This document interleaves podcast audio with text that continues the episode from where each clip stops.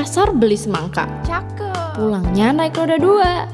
Apa kabar teman-teman semua? Stay tune terus ya dengerin podcast kita. Hai semua, kembali lagi di Sosma Talk, podcast santai dari Sosma untuk kita semua. Apa kabar pendengar setiap podcast BEM via UB? Semoga kalian selalu baik-baik saja ya. Kenalin nih, aku Nalendra Firman sebagai podcaster yang akan menemani kalian. Aku dari Kementerian Sosial Masyarakat BEM via UB.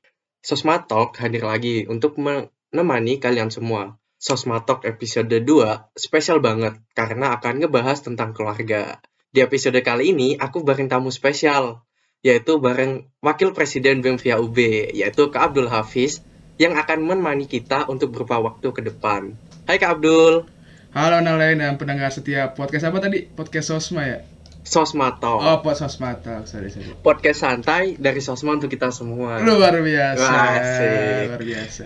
Alhamdulillah. Kak Abdul apa kabar Kak Abdul? Alhamdulillah sejauh ini baik-baik aja. Nalain sendiri gimana, Leng? Alhamdulillah sehat walafiat. Ya meskipun dengan banyak tugas sih biasalah.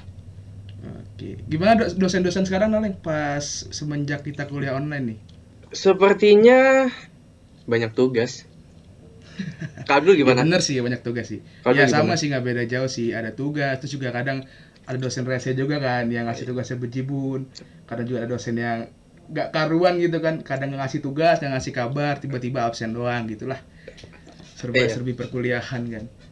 Ya ini enggak ini ya, mohon maaf ya kalau Bapak dosen atau ini ini keluhan kami sih bukan menghina tapi keluhan kami. Ya mungkin Semoga bisa didengar lah. dipertimbangkan ya, Iya. dari akademik juga bisa dipertimbangkan nih dari dosen-dosen di VIA ya. Beneran bener. Sangat ini sangat membantu kita sekali. Oh iya Kak, kemarin kan ini ya momennya itu momen lagi hari raya nih. Sebelumnya aku secara pribadi dan mewakili seluruh pengurus BEM via UB mengucapkan minal aidin wal faidin. Mohon maaf lahir dan batin. Jadi kalau ada kesalahan atau salah kata, perbuatan dimaafin lah karena tidak ada yang namanya kesempurnaan di dunia ini hanya milik Iya, Allah. betul betul betul. Allah. Aku juga mewakili Arif ya minta maaf untuk teman-teman dari VIA nih kalau misalkan dari BEM sendiri belum optimal juga ya Leng ya untuk Iya, bener. masalah pelayanan dan lainnya juga.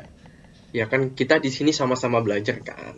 Iya betul banget Naleng. Oh ya ngomong-ngomong mengenai Lebaran nih kak, ada gak sih perbedaan tahun ini sama tahun lalu atau dua tahun yang lalu dan sebelum-sebelumnya nih mengenai Lebaran?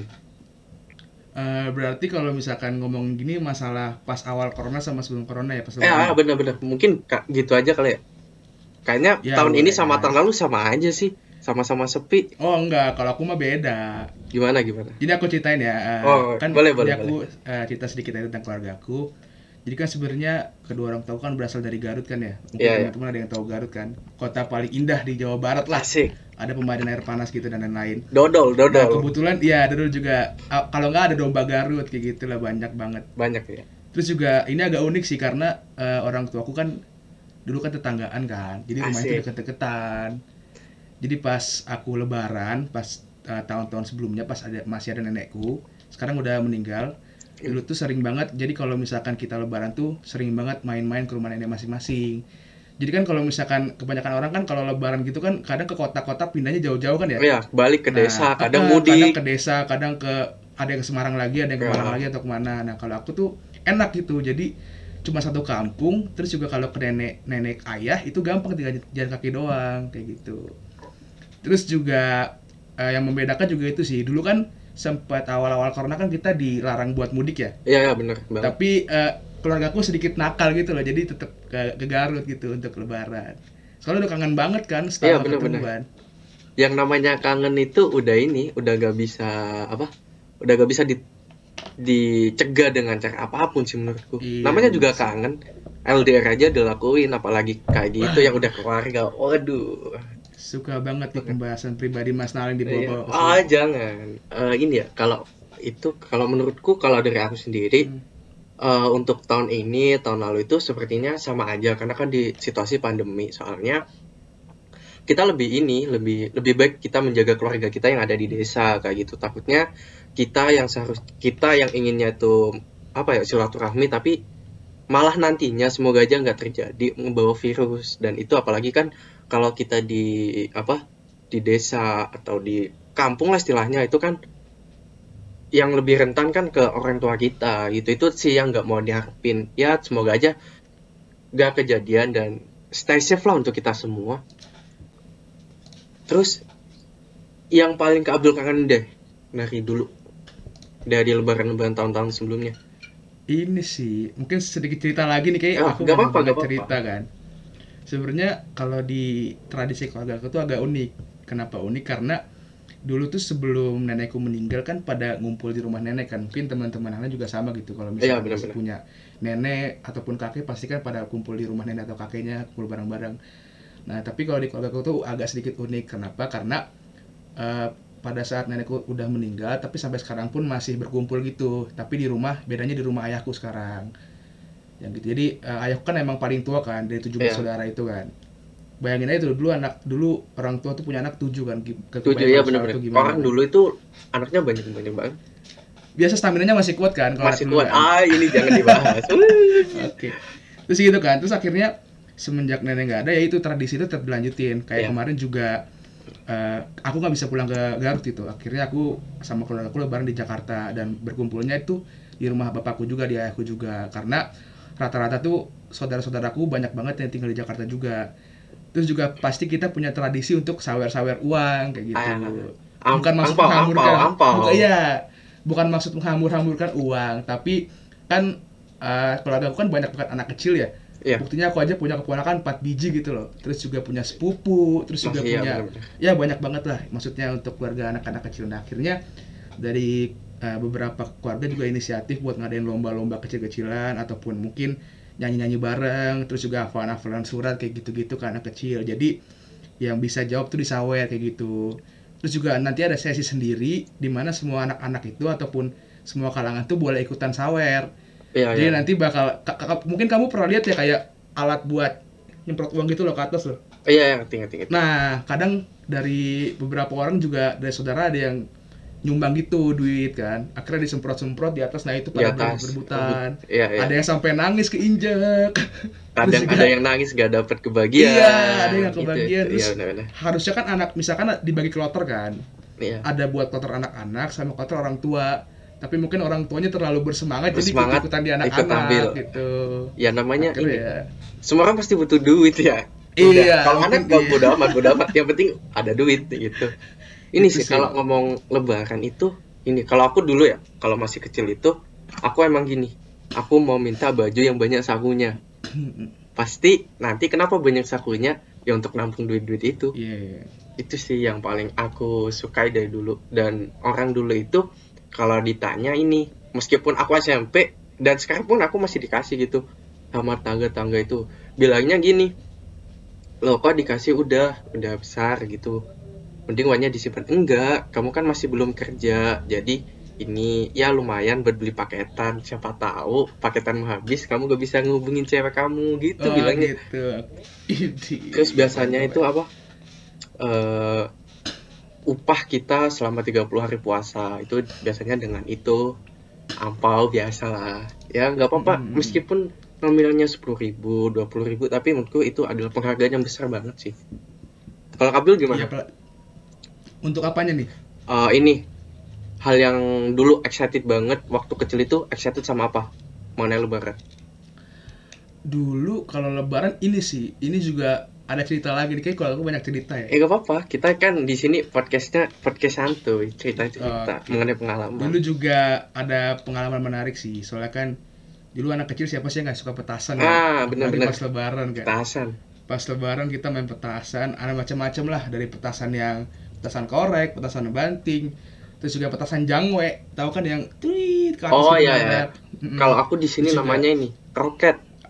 Oh kroket, Ya. kayak makanan dong kroket. Oh bukan roket.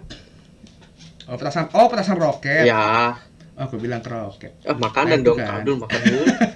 Oh kayaknya udah malam lapar nih. Nah Gimana, itu kan, maksudnya kan banyak banget tipe-tipe petasan kan. Nah akhirnya waktu itu kan eh, sempat beli petasan yang gede tuh. yang Sedangkan yang isi oh, 8, iya, yang isi 8. Enggak, Bukan, ini yang bukan. isinya isinya 50 tau nggak? Yang kecil-kecil banget. Oh, yang Jadi kertas- kayak bentuknya kotak gitu. Iya, iya, aku tahu, aku tahu. Nah, itu kan kan agak bes- lumayan besar ya, Iya. sedang gitu kan segini kan. Isi banyak itu. Iya isinya jadi kita tinggal nyalain subuhnya aja terus tiba-tiba langsung naik semua kan ke atas kan. Yang ini, ciu, Nah. tas, ciu, Nah, tas, ciu. iya, Nah, ciu, ciu, ciu, ciu, ciu, Ya, gitu itu. lah Aku pokoknya. tahu, aku tahu, aku tahu. Nah akhirnya se- sempet bingung tuh ini petasan mau ditaruh mana ya soalnya di halaman belakang nenek rumah nenekku tuh lagi direnovasi Iya, iya, jadi nggak iya. bisa ditaruh terus juga kalau di parkiran banyak mobil nah akhirnya eh, saudaraku tuh ngide jadi kayak ada rumah kosong di depan rumah nenekku persis soalnya dari awal tuh kayak nggak berpenghuni gitu loh masih kosong banget Iya, rumahnya kosong kan. banget ya. Nah akhirnya pas udah beraniin diri, saudaraku buka gerbang kan, buka gerbang, terus masuk diam-diam nyalain petasan, langsung bunyi kan berisik banget kan ya. Iya. anak-anak sama saudaraku pada seneng kan ciu ciu ciu, nggak taunya setelah lima menit ada nenek ada nenek-nenek keluar dari rumahnya karena aku kira kan hantu ya, Iya. tentunya emang ada nenek yang tinggal di situ dan bilang ya Allah nak jangan main di sini ya nggak enak sama neneknya sendiri gitu. Nggak taunya pas yang kita kira rumah kosong ternyata ada ada orangnya nah itu tensin banget sih Sa- satu satu saudara satu keluarga sih tensin banget sih ya ini sih eh, definisi jangan lihat cover tapi harus lihat seisi-isinya juga kan. iya Bener, karena bener, kan bener. emang kita nggak pernah ibaratnya nggak pernah silaturahmi ke rumah depan kan karena Iya. emang terlihat kosong, Kosong terus banget ya. iya kayak gitu Ya itu sih pentingnya Itu sih akhirnya, silaturahmi iya. kan. ya akhirnya langsung pada minta maaf kan ini nek minta maaf ya nek maaf maaf maaf ya gitu akhirnya akhirnya habis selesai main itu pada masuk ke dalam rumah nggak main petasan lagi karena udah merasa nggak enak sama warga-warga juga kan mungkin kan Iya. Parah Gitu sih. Untung gak jantungan neneknya. nah itu masalahnya aku juga takut kalau jantungan Eh, seru juga sih. Kalau dulu itu ini aku mainnya ini meriam bambu ngerti nggak? oh ya, Ya. cuman ada bunyi aja ya Iya meriam bambu itu Hmm. seru banget sih kalau menurutku itu hal yang paling gak bisa aku lupain. Soalnya ini kan rumahku itu kalau musola itu deket-deketan. Jadi kalau setiap takbiran atau lebaran itu pada ini pada nyalain itu jadi hadap-hadapan gitu kayak perang gitu pakai batok depannya gitu. apalagi tuh yang bunyinya "Dut!" itu paling lucu banget itu itu pasti dicengin itu iya iya masang iya. lima satu pasang itu ada lima ada enam gitu itu sih masa kecil kalau ngomongin kan dulu kita punya masa apa masa yang nggak bisa kita lupain tapi kalau ini pasti udah dong udah ada tradisi gitu Hmm. di lebarannya Kak Abdul. Itu seru nggak menurut Kak Abdul tradisinya itu? Kalau ada cerita nggak mengenai tradisinya itu? Tradisi lebaran di Kak Abdul? Sebenarnya kalau buat tradisi kan tadi ada disebut beberapa ya. Ini juga iya. paling kalau misalkan yang teman-teman sering lebaran juga kan paling tradisinya kalau misalkan kita Salam-salaman salam-salaman gitu udah ya? pasti kan salam-salaman pasti jelas itu ngasih THR terus juga pasti kan kita ziarah ke makam kan ke makam kakek nenek kayak gitu-gitu kan terus juga paling dulu pas Iya. di rumah nenek itu sering banget kita nginep di depan ruang tamu pernah nggak sih leng Pernah, Kayak pernah. kita Tapi tuh- gini, aku jujur aku tuh anak tunggal, jadi nggak bisa Oh, ngerasain iya, gitu. Biasa. soalnya kan aku anak Nggak apa-apa, Ah, Kak Abdul cerita kan anak aja. ketiga kan jadi ngerasain banget gitu loh kayak Banget, tidur ya. di ruang tamu gelar tikar gelar kasur nah itu eh, hal yang paling berkenang banget sih sama selama Nah. hidup aku karena waktu itu emang kita kan emang rame-rame tuh nggak punya tempat tinggal lagi kan cuma di rumah nenek aja kan pas pulang kampung nah kira mau nggak mau ya udah tinggal di situ aja kayak gitu terus juga ada lagi pengalaman horor sih sebenarnya jadi Asik nih ngomongin horor. kayak ba- banyak drama banget hidup. Nggak apa-apa. Jadi Iya, iya. Waktu lebaran tuh kan eh, kan udah lewatin waktu lebaran tuh kayak misalkan lebaran tuh hari Jumat. Nah, ini hari. Sabtu atau minggunya gitu aku lupa. Nah, waktu itu emang eh, nenekku tuh lagi ada uang banyak gitu kan disimpan di kamarnya. Kayak gitu. Terus waktu malam itu kejadian malam-malam dan waktu itu eh, aku ataupun sekeluarga dan saudara lain-lainnya tuh lagi ngumpul di ruang tamu. Nah, terus kan kadang banyak banget cerita kan kalau misalkan tuh anak kecil bisa ngeliat suatu hal gaib lah. Ya, itu dari sekian banyak anak pasti ada yang bisa Nah. dari satu keluarga. Itu udah gitu Udah kan. jelas Nah, itu, udah- udah pasti itu. tuh ada keluarga yang emang tuh bisa ngelihat semua jadi satu keluarga tuh bisa ngelihat teman Iya, iya. semua nah tiba-tiba pas lagi lebaran setelah dua hari setelahnya itu malam-malam tiba-tiba anak kecil ini nyeletuk gitu itu dalam keadaan posisi rame-rame kan lagi ngobrol kan tiba-tiba anak Mhm. kecil ini nyeletuk eh ada orang botak lari ke kamar kaget dong sekeluarga kan iya, iya. maksudnya satu pasti dong. Maksudnya kok ada orang botak sedangkan kita satu keluarga tuh nggak ada yang kecil nggak ada yang botak, ada yang kayak botak. gitu loh.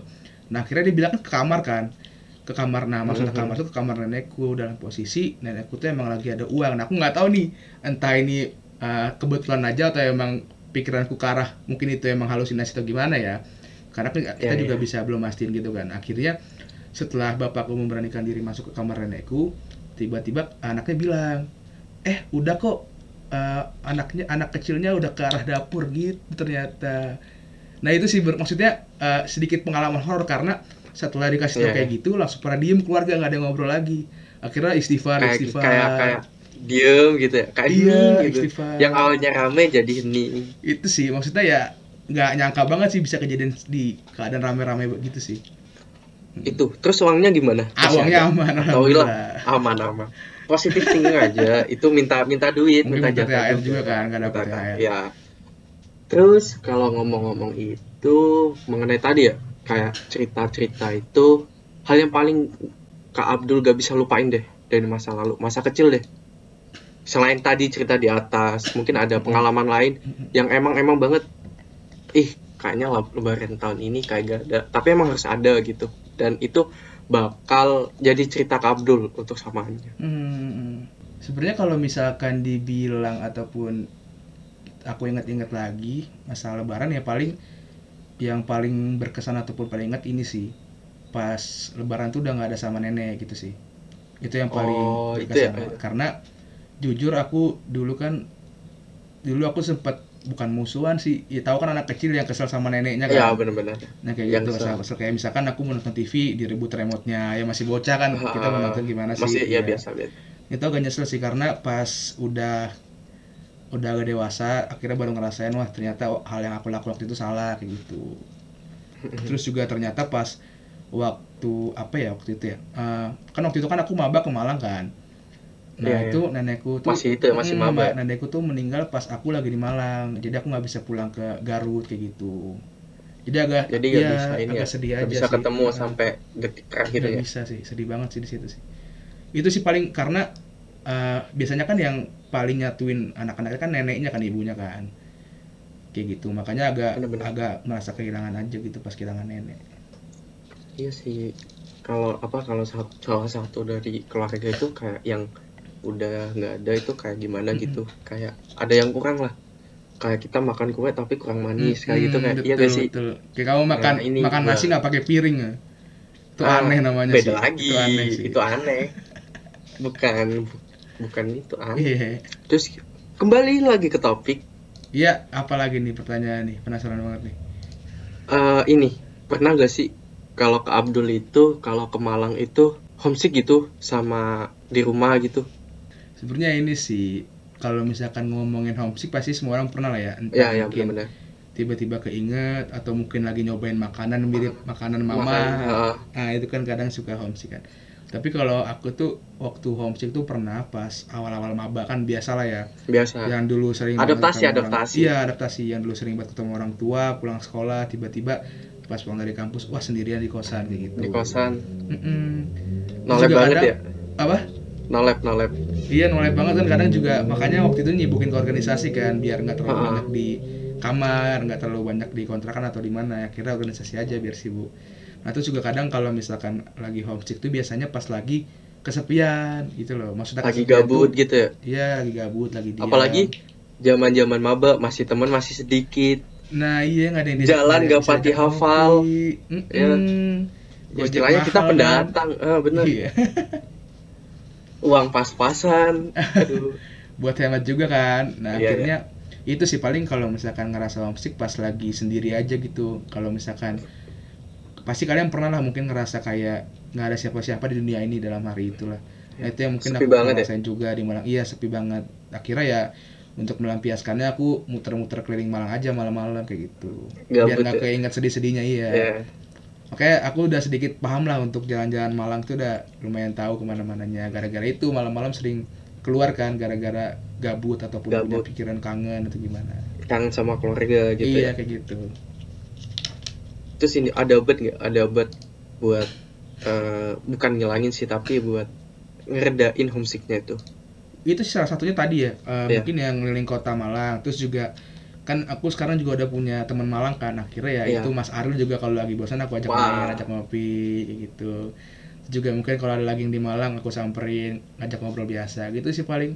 lebih ke arah nyari teman aja buat ngobrol karena kan kalau homesick kan biasanya datang tiba-tiba tuh gara-gara gak punya teman kan Mhm. ibaratnya nggak punya teman yang buat diajak ngobrol terus juga mau baca buku juga lagi nggak enak pikiran ya akhirnya nyari teman aja buat ngilangin homesick itu soalnya kalau di di kamar kan jadi makin pusing kan jadi makin kepikiran Iya, kan malah Hmm. sebenarnya yang bikin kepikiran itu gimana sih keadaan keluarga sehat-sehat. iya betul itu sih sebenarnya itu yang itu yang paling dipikirin sih. Eh, terus kalau ini ny- nyinggung sedikit organisasi kan organisasi itu menurutku adalah obat gitu ya dari rasa kangen kita ke keluarga. Hmm. Menurut Abdul gimana tuh? Eh, sebenarnya agak bener sih omongan Aleng ya karena dulu juga aku kan dari awal di BEM kan di Sosma kan Iya, asik. udah Sosma staf tetap Sosma terus juga kemarin jadi wamen Sosma ya akhirnya ngerasain banget itu loh bener-bener eh, rasa keluargaannya kayak misalkan kalau emang lagi gabut eh udah ajak nongkrong aja itu pun yang ngomong senior jadi kita nggak sungkan gitu ke senior kan Iya, iya. Nah, Ya, itu sih yang keluarga banget bikin, lah. Mm-mm, ya, itu yang bikin aku nyaman aja sih buat oh ya udah nih ada teman baru di Malang jadi nggak usah alasan-alasan homesick atau gimana lah kayak gitu terus juga kan pasti kita juga punya temen geng kan temen yang mungkin SKS bareng kuliahnya bareng nah, aku juga ada beberapa di Malang gitu Temen ngabis lah, temen ngabis. Mm-mm, nggak sih nggak ngambis sih temen main Bukan sih, ngabis beberapa sih.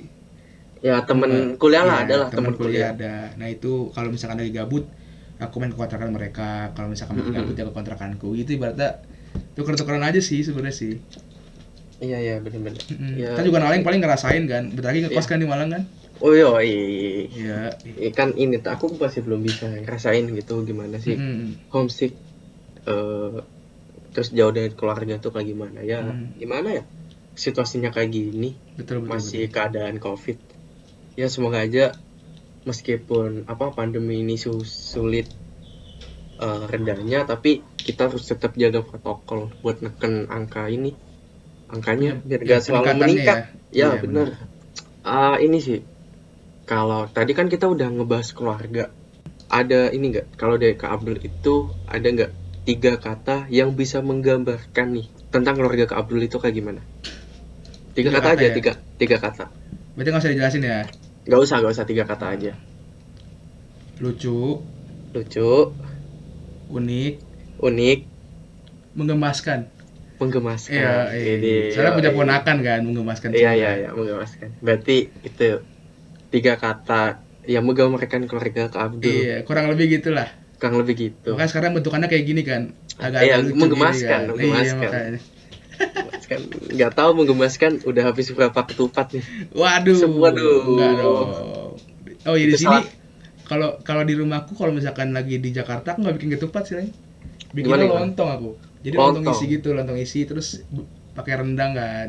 iya iya Nah, tapi nggak bikin ketupat gitu. Kalau di Garut beda lagi, kalau Garut harus bikin ketupat sih. iya ketupat itu kayak udah tradisi yang melekat banget sih buat Iya, Lebaran. bener-bener.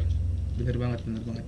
kayak kalau gak ada ketupat itu kayak ya itu tadi kayak kita makan kurang manis kayak gitu sih Mm-mm. tapi pada intinya lebaran itu adalah saling memaafkan Betul banget. memaafkan kesalahan-kesalahan kita yang dulu pernah ada yang tidak sengaja maupun disengaja itu sih esensi menurutku esensi lebaran yang sesungguhnya Mm-mm. saling memaafkan lah Sama maafkan diri sendiri jangan lupa Iya benar Sampai ya lupa maafin sampai orang lupa maafin orang lain tapi dirinya nggak memaafkan kan sama aja Eh, sebelum kita ngakhiri episode kali ini mungkin aku ada satu pertanyaan nih buat lain. Kak boleh. Abdul Boleh, boleh silakan silakan. semisal ayah ibu tante om pak D bude semua deh keluarga Kak Abdul dengerin podcast ini apa yang mau Kak Abdul sampaikan buat keluarga Kak Abdul Nggak mungkin sih dengerin podcast ini sih. ya semoga aja wallahu alam ada yang mau dengerin oh ya tapi kakak punya Siapa Instagram tahu. sih. Kakak punya Iya. Instagram sih. siapa tahu dengarkan Hmm. dengerin Ya paling berarti ucapan terima kasih aja sih maksudnya. ucapan terima kasih. udah bimbing dulu kan aku orang yang bandel banget lah orang yang ibaratnya bisa dibilang durhaka lah. Karena dulu Iya, aku iya. juga masa-masa SD SMP SMP tuh masih belum stabil emosi kan. Jadi sering banget bentak-bentak orang tua dan lain-lain. Nah itu mungkin yang sempat aku sesali gitu di masa lalu. Makanya sekarang pas udah kuliah ataupun pas kemarin SMA ngerubah sikap ataupun sifat diri sendiri kan. Ya yang akhirnya aku udah bisa nahan emosi gitu. Ini pencapaian rekor sih. Jadi udah beberapa lama ini aku nggak pernah marah-marah banget gitu. Jadi aku setiap marah tuh pasti ditahan nggak pernah diluapkan. Karena pasti dampaknya itu luas banget kan mungkin bisa ke keluarga atau iya. bisa ke teman-teman lain. Nah itu. Makanya mau ngucapin makasih aja sih maksudnya udah bimbing lah. Karena luar biasa sih. Kalau punya anak kayak aku sih luar biasa sih. Masya Allah. itu aja sih. Siapa tahu nanti ada yang mendengarkan. Halo Abdul, nomor rekeningmu berapa? Kan siapa tahu. Boleh. Dikasih rekening. boleh pakai apa apalagi ki- apa eh, apalagi kita nih belum dapat THR dari teman-teman. Aduh, teman-teman nanti bisa di PC-PC mana ya? OVO. Ya kan? bisa lah langsung ke Bisa, IG-nya nih Eh sama Abdul Hafiz nih. Kita karena dibawa-bawa lagi. Nggak usah dibawa-bawa dong Eh, jadi eh, ini ya menurutku dari aku apa ya aku dengar dari cerita-cerita Kak Abdul itu menurutku keluarga itu sangat penting banget sih. Apalagi yang masih apa ya masih kita masih sempat ketemu sempetin lah waktu buat ketemu. Karena sejauh apa pun kita melangkah melangkah jauh pergi ke depan menurutku keluarga itu adalah tempat terbaik untuk kita pulang. Iya gak sih? Nah betul iya bener banget betul. Oke, terima kasih Kak Abdul udah nyempetin waktunya dan udah nemenin nih. Ya, makasih juga Naleng ya sama Iya. teman-teman Sosma yang udah ngundang aku di podcast Sosma ini, Sosma Talk Gak ya. kerasa sih sebenarnya, ya sosmato. Iya. Gak kerasa sih sebenarnya. Ya kita sek, nah next episode pasti bakal ada apa ya? Ya lebih seru lah. Semoga aja kita masih diberi kesempatan buat bisa ketemu-ketemu lagi. Dan jangan lupa untuk selalu Amin, menjaga amin, kesehatan amin. nih teman-teman. Buat stay safe, terus jaga kesehatan dan sampai jumpa di next episode. Stay tune ya. Dadah. Dadah semuanya, bye. Mandi pagi biar segar. Makasih udah denger.